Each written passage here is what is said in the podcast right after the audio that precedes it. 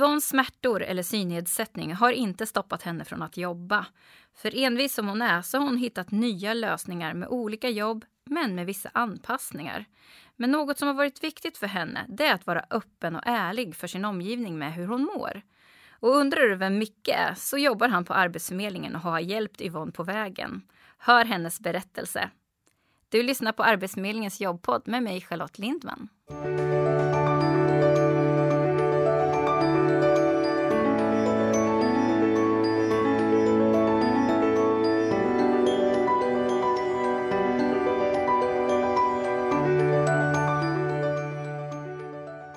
Välkommen till jobbpodden Yvonne. Tack. Jag har ju bjudit in dig till jobbpodden för att vi ska prata om din historia om eh, hur du har fått dina jobb under tiden som du har varit arbetssökande och eh, hur det har gått för dig och hur det har löst sig. Mm. Men innan vi börjar med det så tänkte jag, kan du berätta lite grann kort om dig själv och vad du jobbar med idag?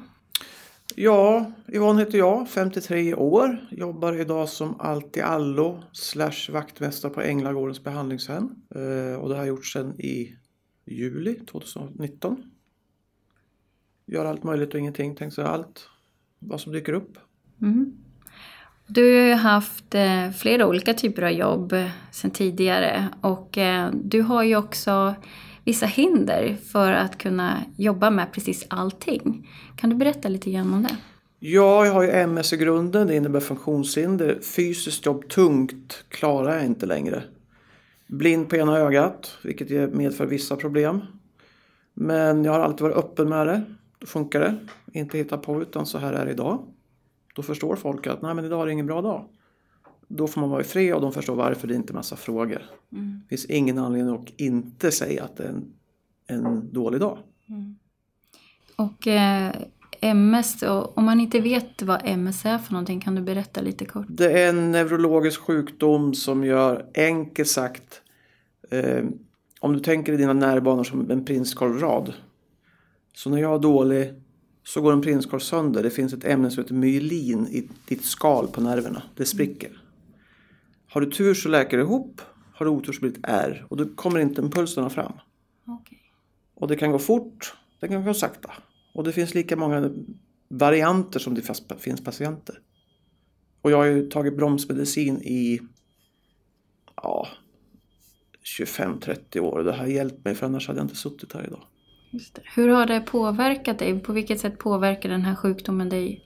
Ja, jag blir trött. Eh, är jag trött blir jag tjurig. Då brukar jag hålla mig hemma. Eller så får folk låta mig vara i fred bara. Eh, taskig balans. Snubblar.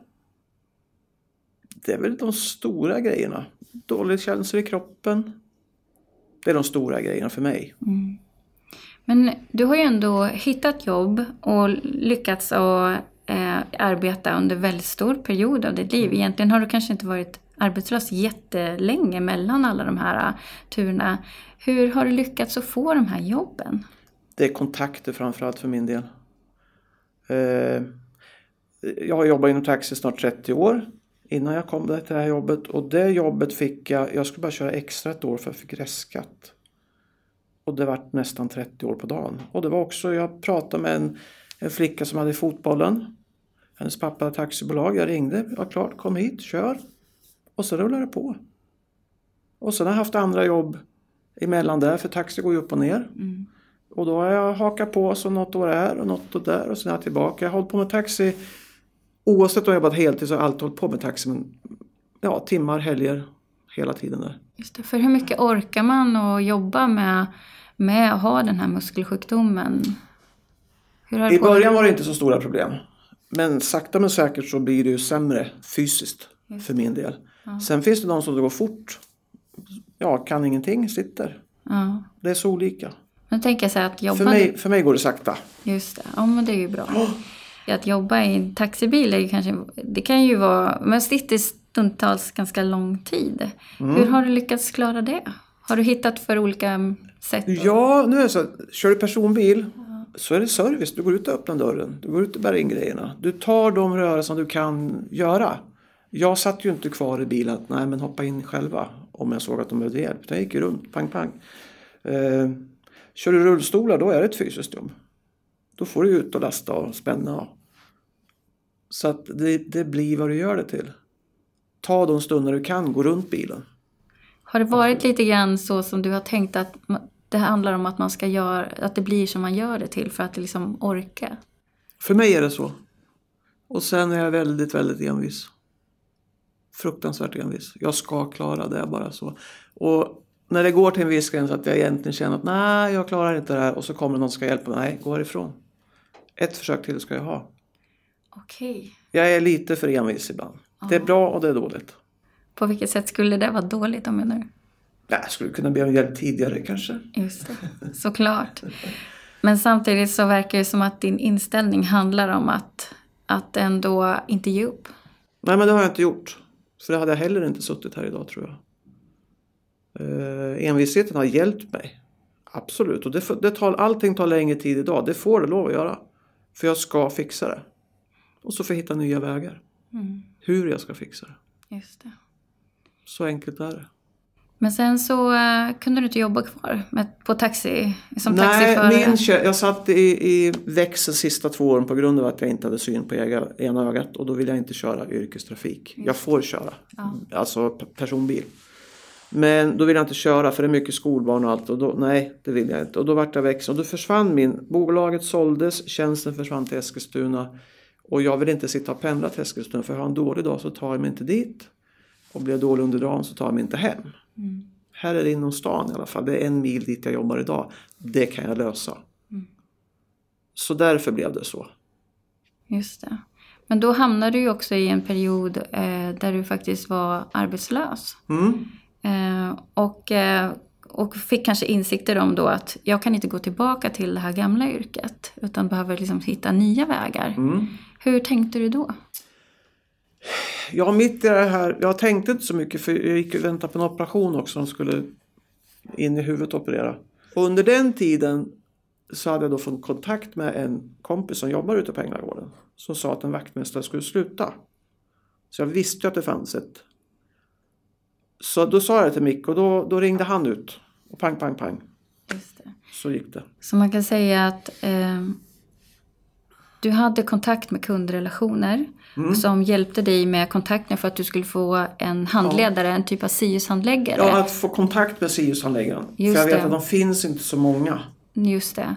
Och på så sätt så fick du hjälp och kontakt med det här nya företaget som du faktiskt jobbar med idag. idag. Mm. Eh, hur gick den kontakten till med det företaget? Ja, staden är liten. Eh, jag kände som sagt var någon, ett par stycken som jobbar där ute. Och genom dem så känner ju han som äger företaget, mer eller mindre. Så hade inte, och då berättade jag det för Micke, men då sa han låt kompisen, hon behöver inte säga någonting, jag tar kontakten själv. Och han har ju haft kontakt med chefen där ute förut, mm. i andra anställningar.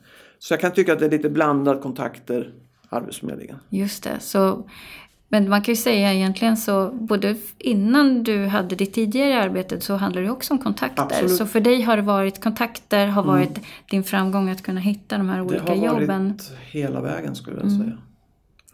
Och du, ehm, du har ju haft trygghetsanställningar genom Arbetsförmedlingen då mm. även genom tidigare arbeten och det är ju en typ av anställning som man kan få, arbetsgivaren kan få ett stöd för att just om man har ett funktionshinder, för de som inte känner till det här då, mm.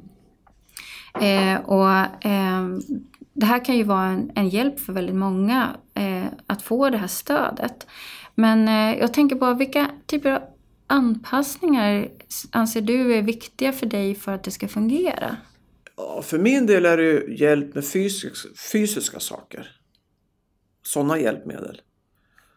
Eh, jag behöver inte ha så mycket sådana hjälpmedel, alltså så. Men det hjälper mig jättemycket att jag får en anställning på grund av bidragen. För jag kan ju också förstå att folk inte vill anställa på full tid för ja, kanske är sjukskriven ofta och så vidare. och så vidare. Men, men eh, jag har inte behövt ha så mycket sådana synliga hjälpmedel så, förstår du? Mm. Eh, men jag vet att det finns möjlighet. Så att eh, jag har ju inte några specifika saker så. Nej, men jag tänker att du har ju säkert haft någon dialog med arbetsgivaren och dina kollegor. Så att vara uppriktig och ärlig med vad du behöver har varit en framgång. För min del, svar ja. Absolut. Det har hjälpt mig i alla situationer i livet på så sätt. Vad är det som har varit din drivkraft för att inte ge upp? Envisheten. Tycker om att jobba. Tycker om att träffa folk. Eh, jag har aldrig satt mig ner och tyckt synd om mig själv. Heller, utan så här är det. Då får man ta det därifrån och utgå från det man kan. Hitta nya vägar. Jag ser inte det som något konstigt men Nej men det är envisheten framför allt. Om du skulle vilja säga någonting till personer som kanske sitter lite i samma situation som du, som säkert känner igen sig i din berättelse. Har du några, några ord på vägen? Ja, för min del är det nog vara ärlig mot dig själv och mot andra i situationen. Så det, det är nog det bästa jag kan säga. Och försök se framåt. Tack för att du kom hit. Tack, tack.